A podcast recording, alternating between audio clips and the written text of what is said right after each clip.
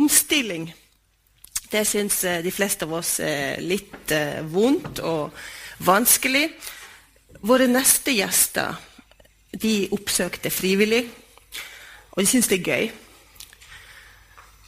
Den ene han leder fornybardivisjonen til et av landets eh, største og mest tradisjonsrike industrikonsern. Den andre han sa opp direktørjobb for å bli gründer innenfor solenergi.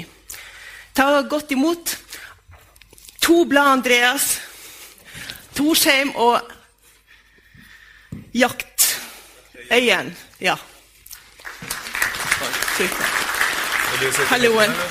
Ja, jeg kan sitte i midten.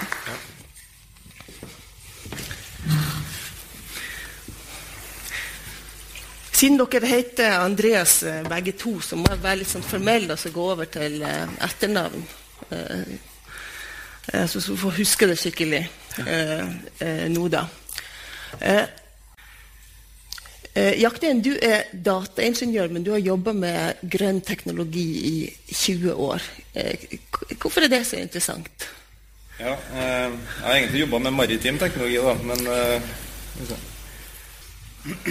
Jo, jeg har jobba i maritim sektor i 24 år. De siste årene i Kongsberg Maritime, 14 år der. Der har jeg jobba mye med energioptimalisering på skip. Eh, så jeg synes egentlig, det er egentlig litt tilfeldig. Jeg har jobba veldig mye med dieselmotor i tidlig fase, konsulentvirksomheten. Eh, og så begynte vi å lage produkter for energioptimalisering på skip og vært med på en reise der. Eh, Samla inn data, prøvd å gjort noe forbedringer på tilstandskontroll og sånne ting. Så, og vært med på Hvis du tenker på et uh, containerfartøy da, som seiler fra Europa til Kina og tilbake, så bruker det 10 000 tonn med fuel, altså tungolje. Klarer vi å, og De nye fartøyene nå bruker 20-25% mindre. og Det er en teknologiendring da, både på hvordan skrogene er utforma, men også hvordan maskineriet drives og optimaliseres.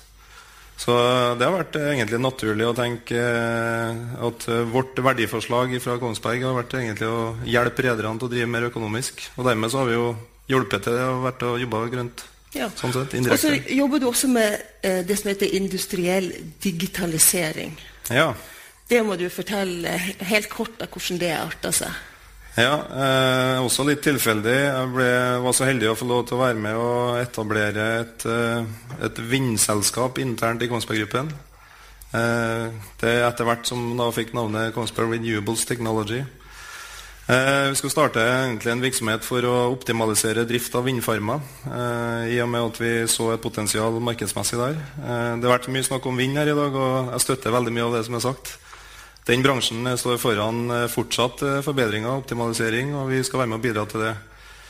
Eh, så det var litt tilfeldig i og med at vi jobba mye med dataanalyse og optimalisering på maskineri fra før. Og så fikk vi da mulighet til å være med på Vind. Og ble tilbudt en mulighet til å være med og være gründer i eget selskap. Det med utfordringer og muligheter som ligger der. Mm. Så det var litt tilfeldig at vi da kom inn i Vind, men det syns jeg var et veldig spennende område. og Jeg synes jeg ser veldig mye store paralleller der og inn på det vi har gjort på maritimt område. Når det gjelder digitalisering, så er det egentlig eh, kanskje litt tilfeldig at vi kaller det digitalisering. Jeg vil kalle det optimalisering. Eh, få merverdi ut av dataen du allerede besitter. Eh, bruk domenekunnskap og koble opp mot en del ny teknologi på såkalt maskinlæring og sånne ting da, som er blitt det var en som snakka om buzzword, så jeg har lært meg alle buzzwordene nå. Men jeg har egentlig drevet med dem i mange år uten å visst helt uh, hva de skulle kalles i fremtida.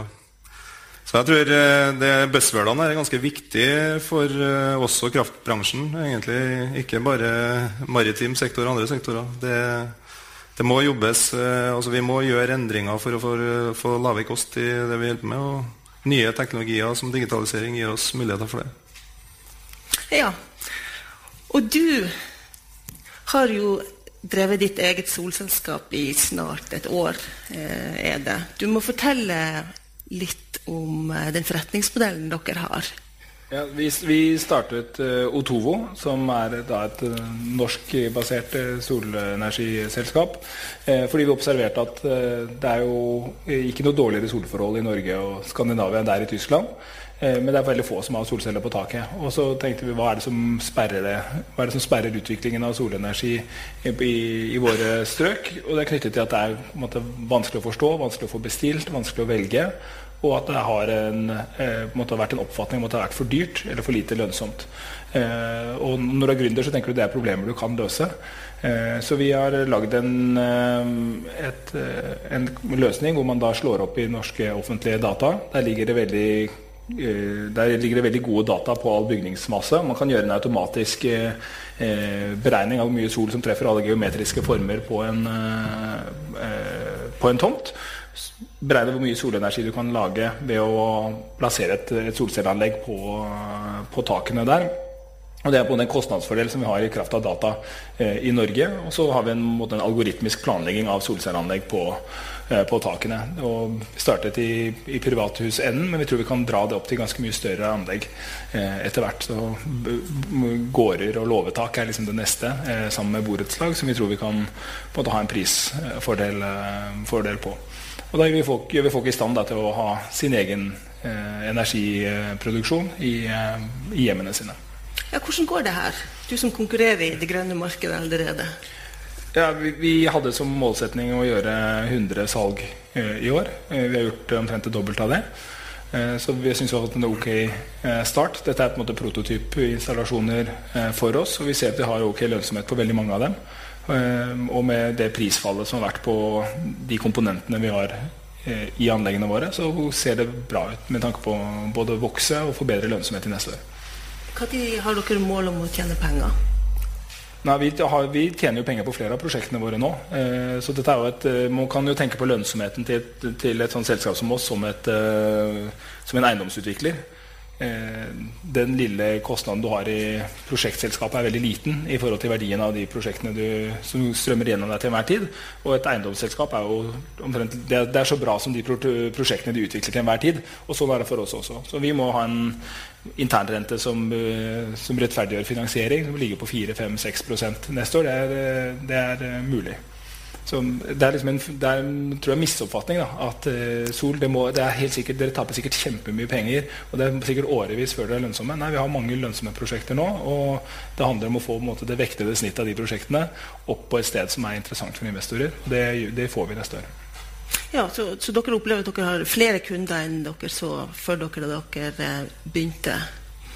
Ja, det er jo ikke Jeg tror uh, en av feil som er blitt gjort når man tenker på distribuert fornybar, er at man eh, for sol og vind så er det jo veldig vanskelig å komme med allmenne betraktninger. Eh, fordi det er hvert prosjekt er unikt. Hver, hver tomt har ulike egenskaper.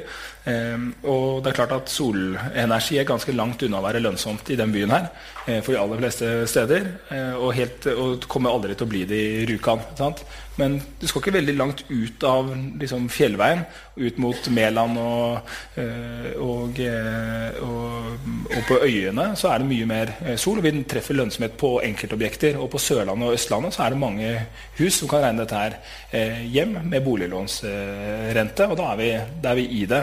Så jeg tror det er veldig, det er veldig finkornet. og Eh, det at vi ikke har nådd, Man kan ikke erklære at vi har to millioner husholdninger som har nådd grid parity, at de kan spare penger mot strøm, men, eh, mot strømprisen som er i, i stikkontakten nå. Men at man har enkelthus som kan gjøre det, det er helt åpenbart. Eh, og da, vi trenger ikke, vi trenger ikke millionkunder. Vi trenger én, og så trenger vi to, og så trenger vi tre, og så bygger vi oss opp derfra. Men de er nødt å spare penger på de kundene. Det er ikke ideologi som får folk til å legge solpanel på taket. det er som alle andre kjøpsbeslutninger. Du har et spekter av, av, grunner som ligger bak. Noen er motivert av økonomi, og de må se økonomi i det med en eneste gang. Eh, de er vanskeligere å overtale enn de som kan, trenger å se økonomi, men tenker på det som en prissikring. Du skal ha et, et eh, Solceller er jo unikt forutsigbart prisen på den kilowatt-timekostnaden du har, den er, den er, gitt i 30 år etter å ha gjort installasjonen eh, din. Og mange tenker at ja, det er verdt å ha en viss andel av produksjonen i hjemmet eh, dekket av en så forutsigbar kraftkilde. Så kan prisene gå som de gjør for nett og, eh, og, og spotpris. Eh, så det er en, måte, en annen økonomisk motivasjon. Og så er det de som, er, som, tenker på det som en del av et moderne, et moderne hjem har solceller på taket. Det er en del av byggematerialene vi bruker. Man tar det som en, som en del av, av, byggekostnadene. Og så er det alltid andre som tenker at ja, egentlig det samme var på de to foregående. Jeg skal gjøre dette for det er riktig for miljøet. Jeg har et annet syn enn det som var på scenen her i stad. I, I, vår husholdning så ønsker vi å få bidra med mer kraft. Og tenker at hver kilowattime som blir produsert her, det er en, det er en kilowattime ekstra med fornybar i, i, verden. Og de kilowattimene de finner sin vei til å, til å utkonkurrere andre kraftformer. Hvordan opplever du etterspørselen etter grønn teknologi i næringslivet? Ja, Det er vel litt uh, variabelt, egentlig. da. Jeg tror uh, grønn eh, teknologi må lønne seg for at det blir etterspurt. Uh, det ser vi jo til både rederikunder og til andre kunder at skal vi bli valgt som leverandør, så må vi ha et verdiforslag som gjør at de sparer penger eller tjener mer på det de investerer i. Så, men vi ser på kraftsektoren som et kjempespennende område. Jeg tror jeg kommer fra maritim bransje og vant til at kan si, rater og fuelpriser og sånne ting går veldig mye opp og ned. og Det gjør jo også da strømprisene. Eh, kanskje vært eh, høy ganske lenge, sånn at en har sluppet å gjort så mye investeringer. Vi ser nå at Med lave fuelpriser som vi ser nå, så ser vi fortsatt en god etterspørsel etter grønn teknologi på, på shipping. Og jeg tror også i forhold til det med vind Alle ønsker jo at vindkostnaden skal ned, altså prisen, cost of energy. Eh, og leverandører som kan hjelpe til å bidra til det, er velkommen. Eh, uansett egentlig kraftprisen, bare så lenge at du kan være med og, og spare kost. Så det, jeg ser at det, det, er økende og et veldig spennende marked. Jeg har forresten et låvetak i Trondheim på ca. 1000 kvm som kan instrumenteres med sol. Etterpå, skal jeg, jeg har vært og testa siten din. Den funker bra, den. Ja. Mm. Nå som vi har eh, du som representerer eh, store, tunge lokomotiver, og du mm. som eh, representerer det nye og hippe gründerselskapet. Det grønne skiftet, de endringene vi skal gjennom. Hvem er det som kommer til å bli vinneren her? Er det eh, tunge aktørene fullstappa av ressurser, teknologi, folk? eller er det mer kjappfota eh, gründerbedrifter som, eh, eh, som, selskapet ditt, eh, Andreas. Du kan få lov å svare først. Ja, jeg må si Kongsberg Digital det er jo kanskje yngst her, da, for vi ble etablert 1.7 i år. Ja. Men vi er basert på eh, selvfølgelig Kongsberg Gruppen sine, noen av forretningsområdene som har eksistert fra før. Ja, jeg tror i hvert fall at uh, innovasjon altså jeg tror Ingen vet hvem som er vinneren om fem til ti år. Det var sagt i forrige innlegg her òg. Uh, det er jeg veldig enig i. Jeg tror uh, vi trenger å få fram nye, unge, spreke selskaper som har innovasjonskraft og har eh, kanskje litt mer visjonær enn mange av oss som er litt eh, tyngre, da, kan oppleves som, eh, er. Eh, så jeg tror ikke vi vet egentlig hvem som blir vinneren, men jeg tror egentlig at alle trengs. Jeg tror eh, selskaper som Kongsberg Gruppen, som har kapital og som er villige til å satse langsiktig, også har et, eh, en betydning da, i forhold til det grønne skiftet. Men jeg er helt sikker på at vi burde ha jobba enda mer med å få fram de unge, spreke gründerne og de teknologiene som egentlig vi andre kanskje vegrer oss litt for å eksperimentere på. Før jeg slipper til eh, deg, så uh, Det er mye snakk i store selskaper om uh, dette med teknologigjeld. Mm. Kan du uh, si litt kort om det? Ja, det, det, er det som er litt av ulempen med å leve en lang stund da, i en, en næring. Eh, alle større selskaper har en produktportefølje. og Da snakker jeg tradisjonelle produkter, altså ting vi utvikler, og så selger vi til kunden. Eh, det som er ulempen med det, er jo at du har en forpliktelse over lang tid framover. Eh, du har ikke sånn umiddelbart mulighet til å gjenkjenne pengene dine så, så lett. Du kan drive service på produktene og forbedre dem. Eh, men du, det som skjer ofte i våre selskaper, litt større selskap, er jo at vi bruker en god del av innovasjonskrafta vår på vedlikehold av produktet. Og ikke på eh, fremtidsretta teknologi. Så kan vi si at vi har en horisont på 1, 2, 3, 4 år ofte i, med mye av utviklingspengene våre. Eh, og det kan du si litt av teknologigjelden. Det er litt sånn vondt å gi slipp på et produkt som tjener penger. Ikke sant? Og Derfor så legger du litt mer penger hvert år for å forbedre produktet. Eh, mens eh, vi sliter litt mer med tror jeg, å få frigjort nok penger til å tenke på 5-10-20-årshorisonten i forhold til teknologi. Og så disrupte oss sjøl, hvis du skjønner hva jeg mener med det. Mm. Tror du nok, dette er noe som gjelder for alle bransjer? Ja, jeg tror det. Og jeg tror mange er litt redd for det her som da skrives veldig mye om for tida, med digitalisering, og om det kommer nye aktører inn som uh, kommer og tar over egentlig et marked som vi har la oss si, eid da, i, i, mange år. Uh, Kongsberg Gruppen har uh, sånn 40% markedsandel i verden på automasjon på skip. det er en posisjon som mange ønsker å ta. hvordan ser et automasjonssystem ut på et skip, og hvordan ser et skip ut om 15-20 år? selvfølgelig mer autonomt og sånne ting, men er våre systemer like relevante da? Det er litt vanskelig å si. Så vi ser jo at vi er nødt til å være i en kontinuerlig omstilling også internt i vår egen bedrift, og ikke bare være med å hjelpe andre til å være omstillingsvennlig og dyktig. Og så skal du få lov å svare på om det er David eller Goliat som er best egnet til å bringe verden videre.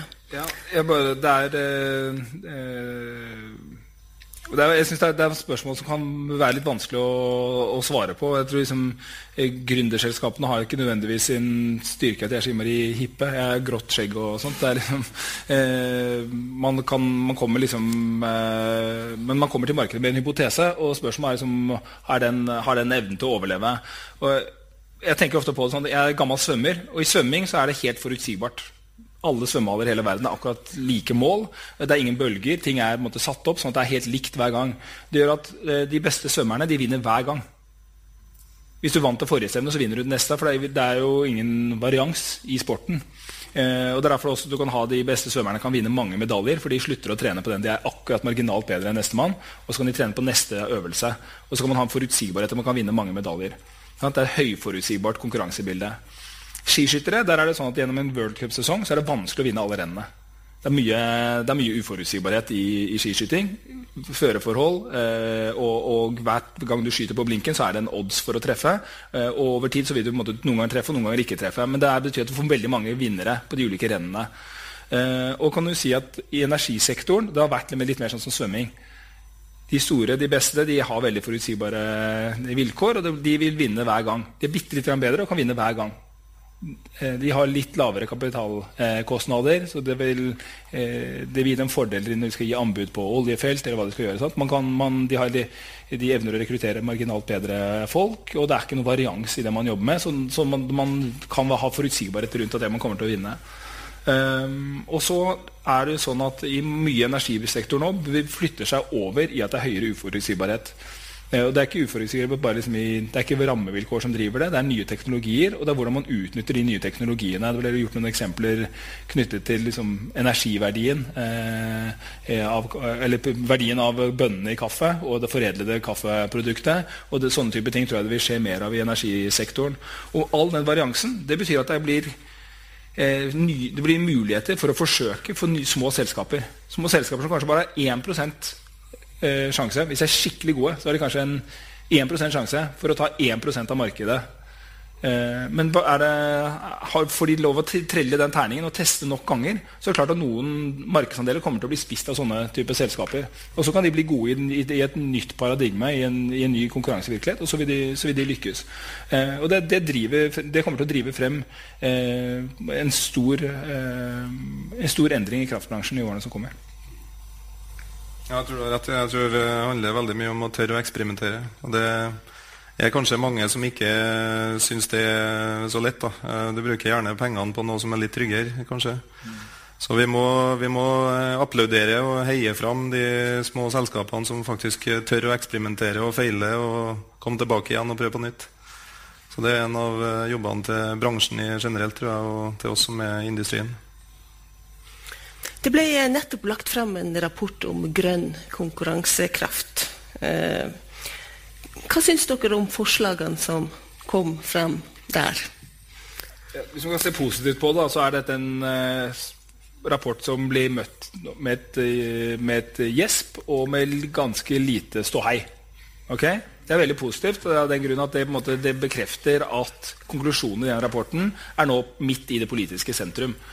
I, fremtiden kan man aldri si at vi visste ikke. Vi hadde ikke noen plan. Vi, tenkte, hadde, vi, vi, ikke, vi hadde ikke noen kunnskap om hva man kunne gjøre for å, eh, for å akselerere det grønne skiftet. Det ligger i et blå-blå regjering har nedsatt et utvalg med eksperter. De kommer med konklusjoner som alle syns er så forutsigbare at det er ikke noe vits å dekke det på Dagsrevyen.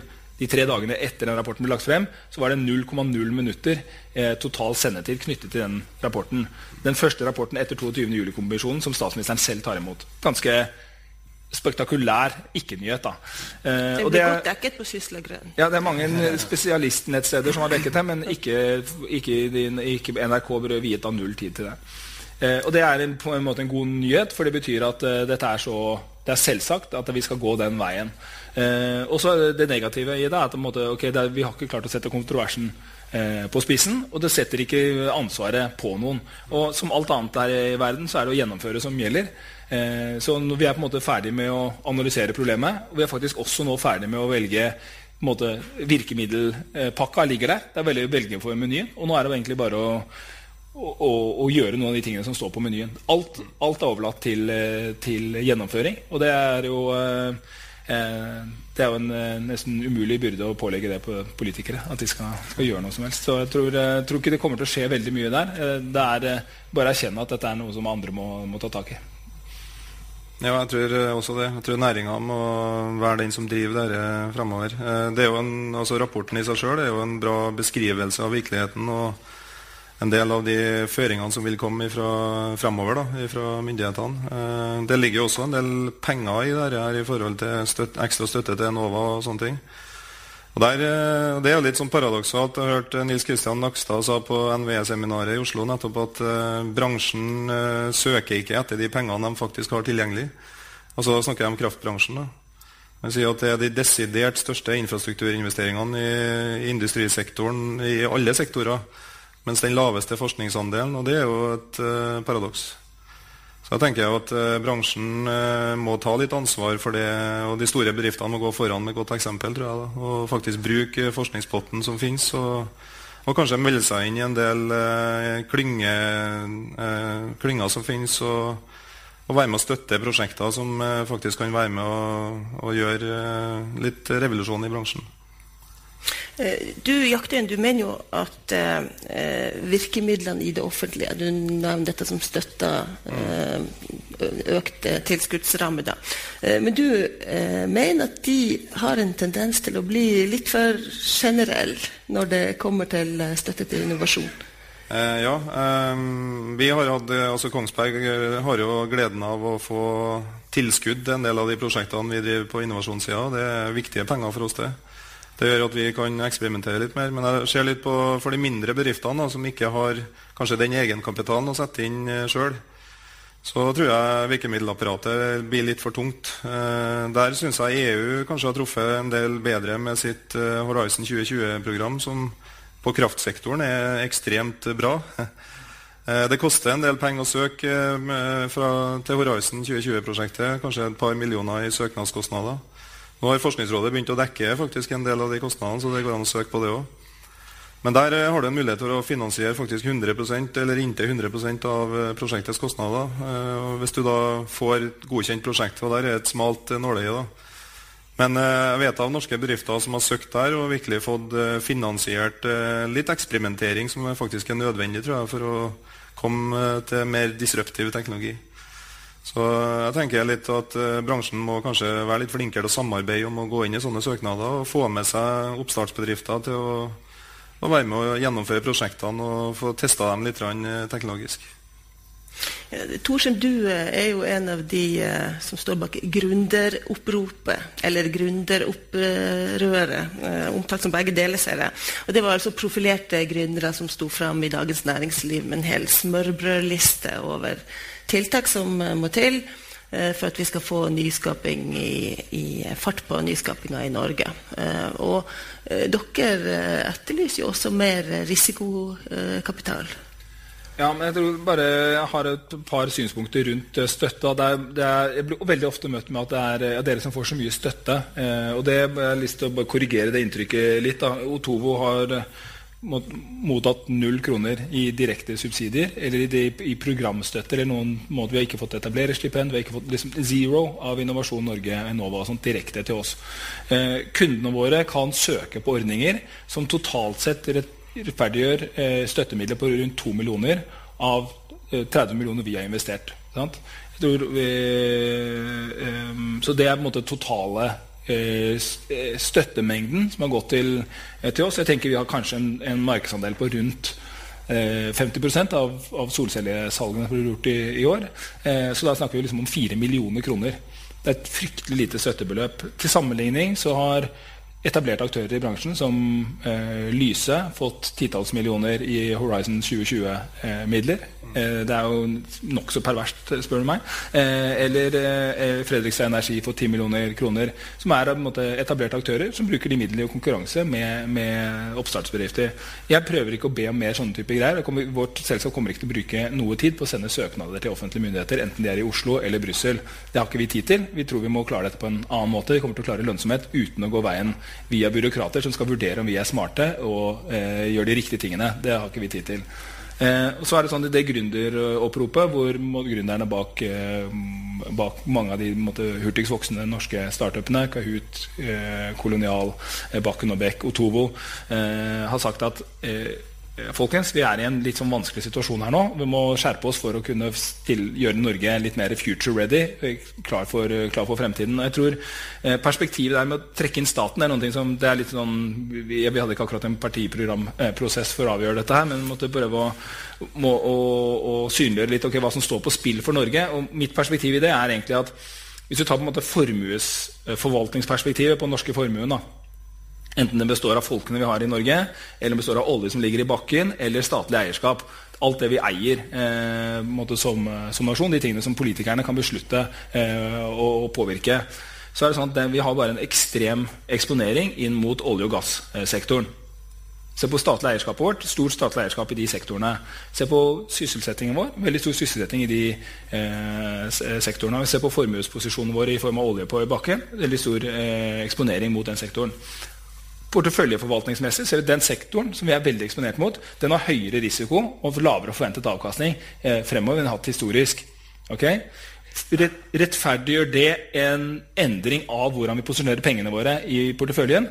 Alle som kan finans, vil si ja, det bør påvirke hvordan formuesforvaltningen vår som nasjon er lagt opp. Det er på en måte det ene greiene. Og da har man snakket om de Innspillene vi har, er bør vi tenke noe rundt hvordan oljefondene bruker den formuen som er plassert utenlands? Og bør vi tenke noe rundt eh, hvordan vi insentiverer eh, plassering av kapital innenlands, enten gjennom eh, økt eiendomsbeskatning og bedre eh, eh, vilkår for å investere i måte, mer risikable prosjekter, f.eks., eller ved å si at eh, måte, det er veien å gå til å, til å få måte, storskala eh, eh, måte, si, toppgründerbedrifter. Det er ikke med sånne små regionale eh, småkorn, såkorn, småkornfond eh, som får noen titalls millioner, når det koster kanskje 100 eller 200 millioner kroner å være med på en finansieringsrunde på sånne selskaper som popper opp i London og Stockholm, Tel Aviv og, og, og, eh, og i San Francisco. Eh, det er bare sagt at Vi, driver, vi har drevet småidrett. Gjøre det på, litt, på, en litt annen måte. Gå for, gå for, litt mer toppidrett. Men det er bare veldig viktig å forstå at det gründeroppropet det handler ikke om å prøve å få subsidiert gründernæringen. Det er ikke fagforeninga for gründere som har gått sammen og bedt om å få bedre vilkår til sine medlemmer. For jeg tror veldig mange av de tingene vi etterlyser, hvis de noensinne kommer, så kommer de etter at våre prosjekter har lykkes. og vi er en måte, industribygger og har, har bidratt eh, masse. Eh, ellers har vi gått på ræva. De hvis det kommer noen eh, bedre opsjonsregler, eh, hvis det kommer eh, bedre insentiver for å investere i risikoselskaper, så kommer det etter at vi er ferdig med vår risiko. Så det er, det er ikke for oss. Det er bare at dette er noen folk som er kanskje ett tak mer på forskningsfronten. Litt eh, eksponert for mer aggressive eiertyper enn det man har er kommunale eiere, eller eh, i og for seg er på Oslo Børs, eh, og som har kontakt med veldig avanserte teknologimiljøer. Sant? Arundo og Kahoot eh, med liksom sine eierposisjoner eksponert for veldig veldig aggressive og kunnskapsrike teknologieiere. Eh, og så kommer folk tilbake fra den forskningsfronten og sier folkens, sånn som vi gjør det her hjemme nå, det bør vi kanskje gjøre noen justeringer på. Hvis ikke så plasserer vi oss i en sånn eh, bakevje som om vi var en agrarøkonomi som ikke tilpasser seg industriøkonomien. Og da har vi en industriøkonomi som, får, som vi prøver å gi et signal om at kanskje er mistilpasset i kunnskaps, eh, kunnskapsøkonomien. Det er på en måte beskjeden. Det er ikke om å gjøre å få hjelp til gründere. Det er om å si Norge er nå litt feiltilpasset for å eh, ta del i eh, økt digitalisering av alle virksomhetsområder i, i næringslivet. Eh, med ditt selskap, dere var jo ute og henta kapital. Hvordan gikk det? Det gikk jo i og for seg med bra, det. Vi har, vi har hatt investorer som har hjulpet oss, eller investert da med 30 millioner kroner cirka, I, i, Otovo. De, de, gjør jo ikke det av, av måte, god vilje og, og, sånt. De vil jo se en, en god avkastning på det. og og ha porteføljer hvor de har ganske tøffe krav. Så, så vi, vi, har vært et sånt selskap som har vært ute og, og hentet penger nå. Og så ser Jeg, jeg er samfunnsøkonom eh, selv, og noen ganger så får du høre fra Finansdepartementet eller andre eh, smarte folk som har Blindern eller NHH-utdannelse, at eh, ja, de gode prosjektene får penger. Uh, og det er bare sånn halvveis Det er bare sånn halvveis riktig. Det er avhengig av måte, hvor fort får de de pengene, uh, på hvilke vilkår får de dem, og hvor ofte er man måtte, har tilgang på eh, penger hvor, som har eh, den risikoprofil som man er ute etter. Og det er, vi er ikke i en sånn Chicago-økonomi hvor alt går akkurat, allokerer seg automatisk eh, dit, dit, det skal. Det er åpenbart at det er lettere å hente penger hvis du er Tel Aviv-basert, Stockholms-basert eller San Francisco-basert enn om du er Oslo eller gud forby Bergen-basert. Det er utrolig vrien eh, vei til å finne de, de beste investormatchen med ditt prosjekt, den risikoprofilen, den kunnskapen du trenger for å lykkes med det. Så jeg tror, ja, vi har klart å hente penger. Eh, det blir viktigere for oss neste gang vi skal ut og ha en emisjon. Da vi, må vi måtte, opp i, i, skuddtakt, opp i en, måtte, med, med, med eh, måtte, ja, må, da, da, blir det litt annet game enn en Obos-ligaen som vi har vært i nå. Um, og, og ja, da, da, er jeg spent på om vi lykkes. Dette er noe som alle gründere går og lurer på. Klarer vi Klarer vi å ha en vekst og klarer vi å ha kundetilfang, klarer vi å ha lønnsomhet eh, som er god nok til, til, å tilfredsstille de investorene vi har fått eh, om bord, og til å attrahere investorer som har riktig profil for oss eh, når vi kommer fremover. Så eh, hvorvidt vi har hatt de riktige eierne, om vi får de riktige eierne, får vi ikke vite før måte, oppgjøret er, er, tatt en gang langt inn i, inn i, fremtiden. Og jeg vil bare si måte, vi er en av de bedriftene i Norge som har hentet penger og lykkes med det, sammen med Kolonial og Kahoot det eh, siste kvartalet. Og det oppleves ikke som superlett, selv om vi da åpenbart har gode prosjekter og klart å få funding. Så jeg syns synd på de som ikke har det måte, nettverket og bakgrunnen som vi, som vi, har hatt. De gode prosjektene får ikke nødvendigvis funding i Norge. Eh, generelt, er det sånn at uh, vi øker vår egen uh, konkurransekraft dersom det blir uh, mer offentlige penger til mer risikable prosjekt?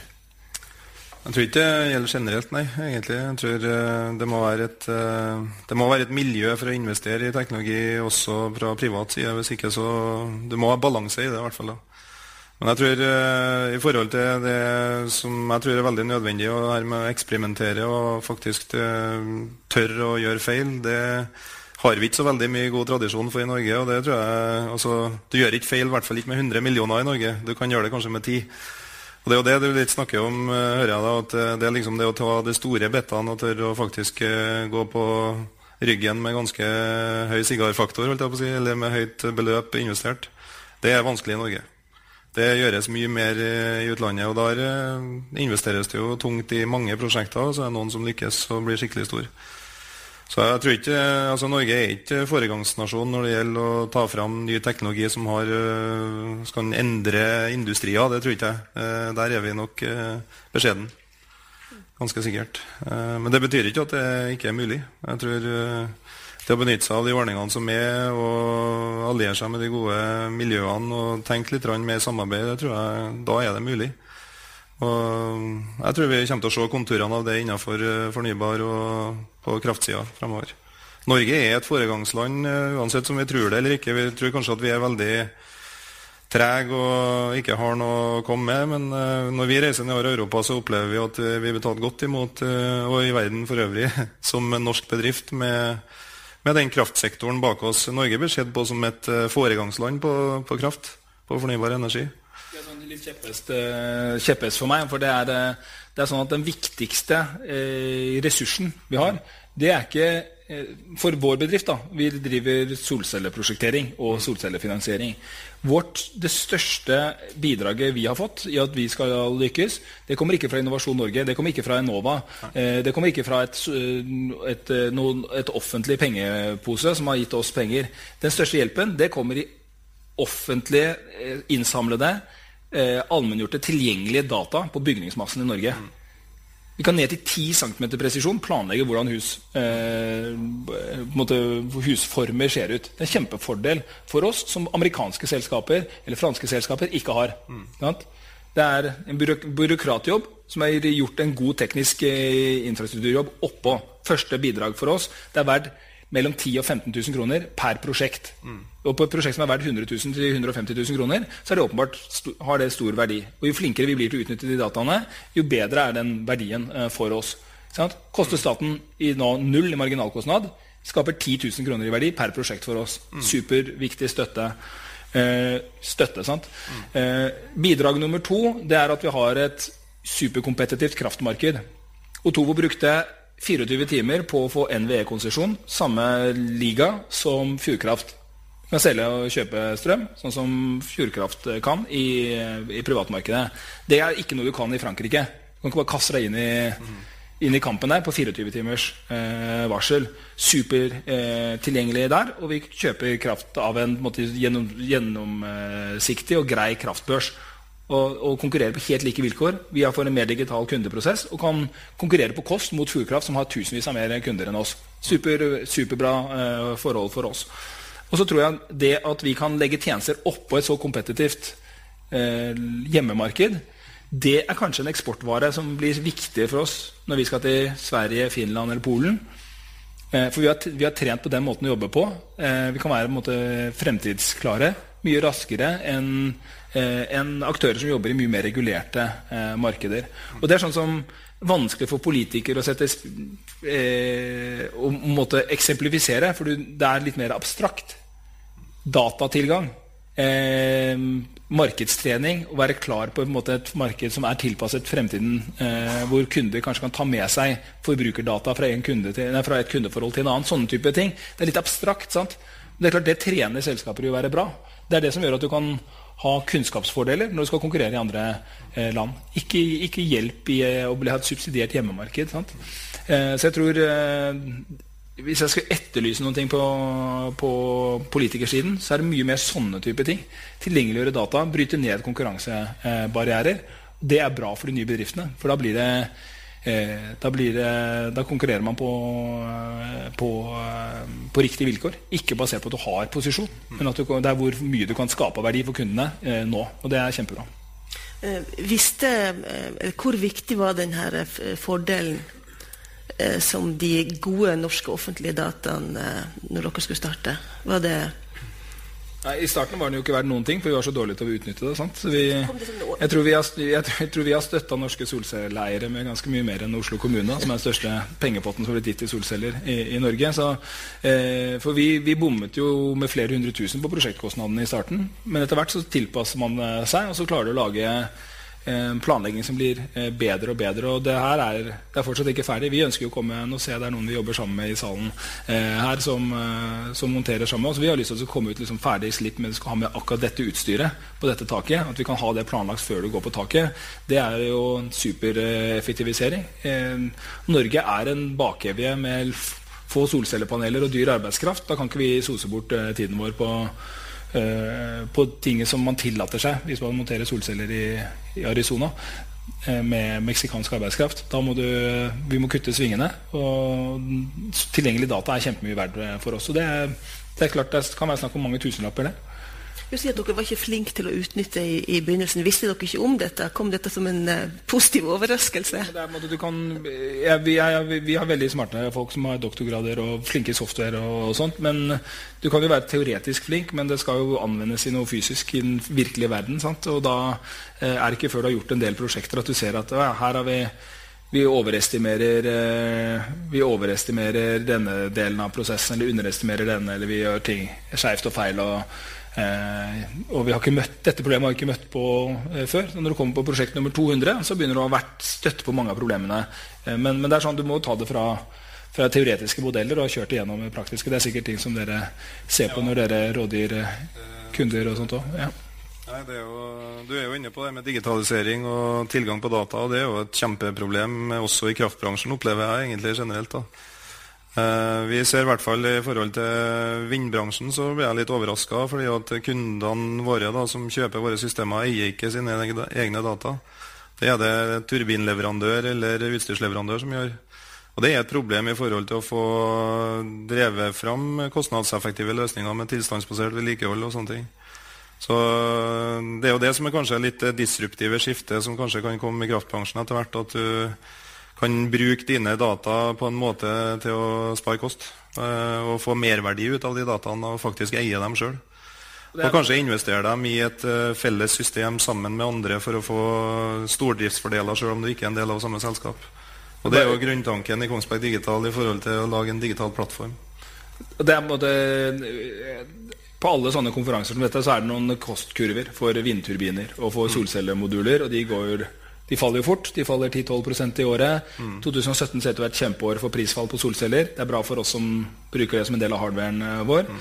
Eh, og så er det kurven selvfølgelig med batterier. Eh, hvor mm. batterier blir billigere og billigere. Da begynner det å være sånn, Hvor lenge er det før vi kan regne det hjem i husene våre og ha batterier i husene våre? Det er et spørsmål nummer én som jeg får aller mest. det er Når er det man kan regne hjem batterier?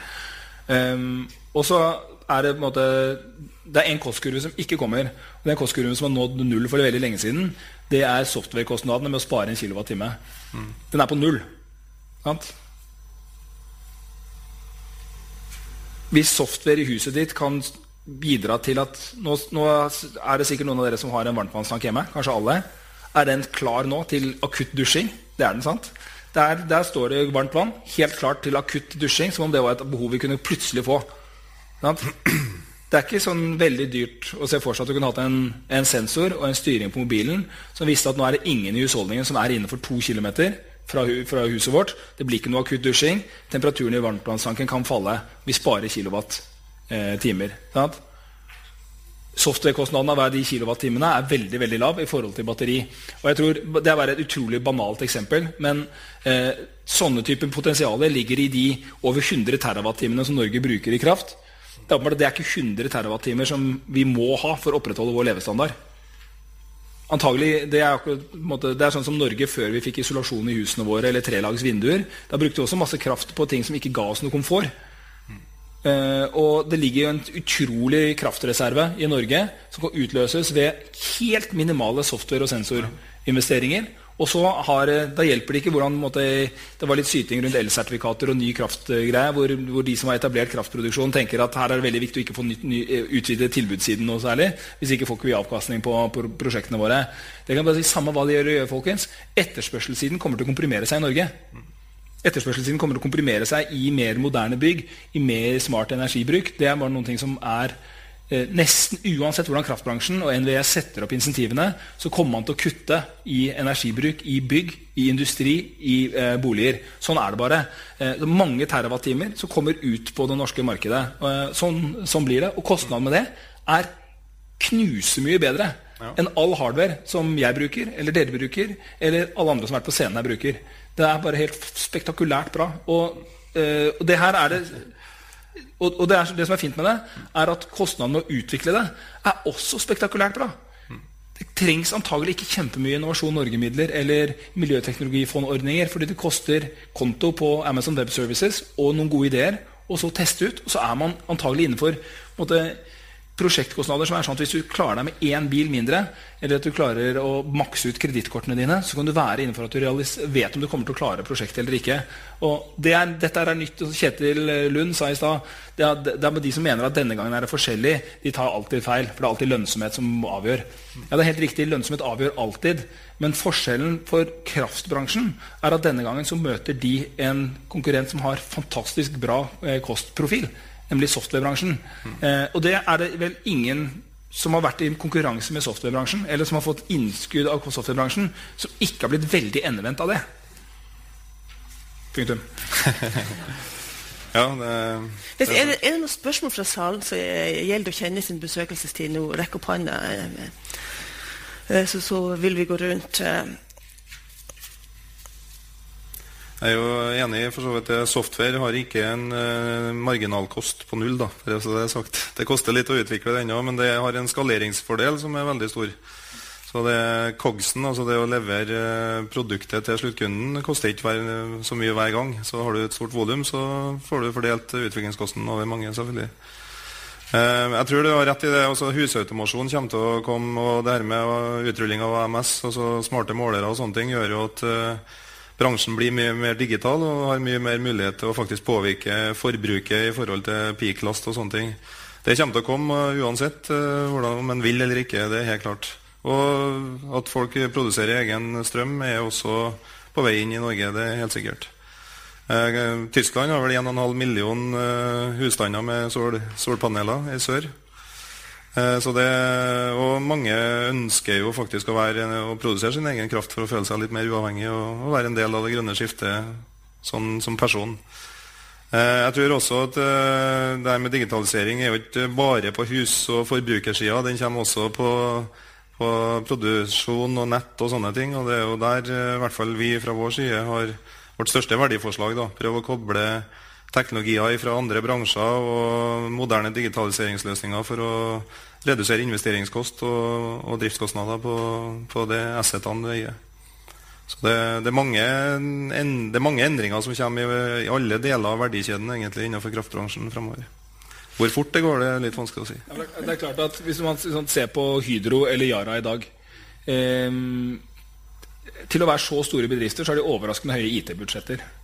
Men det er fortsatt sånn at det er IT-budsjetter. Eh, det er, eh, det er eh, konserntype PC-innkjøp, og det er mm, konsern e-postserveren og måtte, Det er store og dyre ting som måtte, en del andre bransjer måtte, forlot den måten de gjør det på for kanskje fem eller ti år siden. Ikke noe negativt mot det. De har sikkert sine sikkerhetskrav og sånne type ting.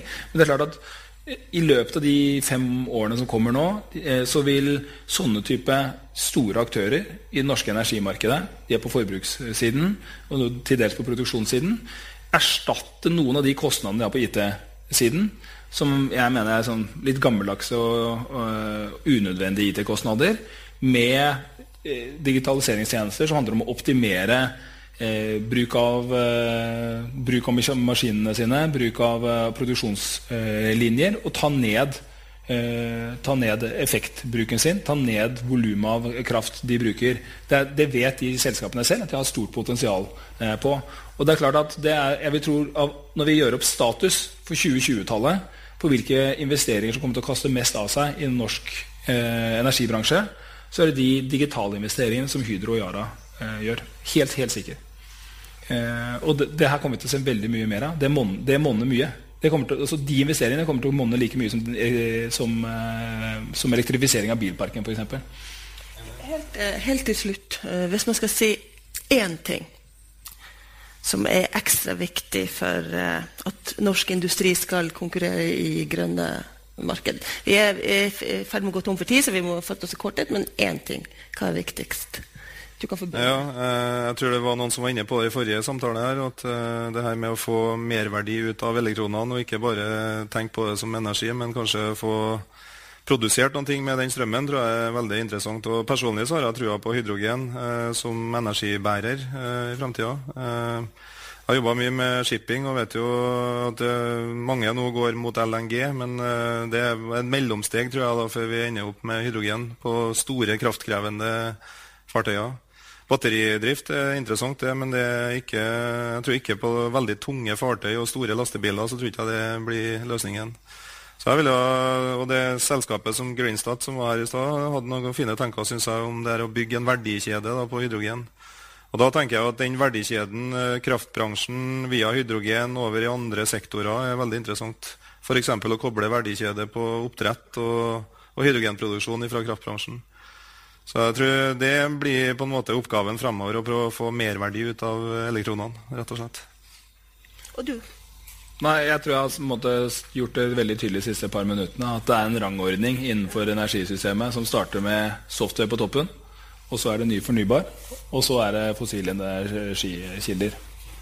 Kan nyansere den med noen flere lag etter hvert, men jeg tror bare man, veldig mange eh, tenker på at det er en kamp mellom ny fornybar og gammel eh, fossilindustri. Det er, det én interessant dimensjon, men det der, der ligger en stor aktør som man ikke ser så tydelig, som kommer til å ha mye større påvirkning enn de to andre, og det er softwarebransjen på toppen av de to andre.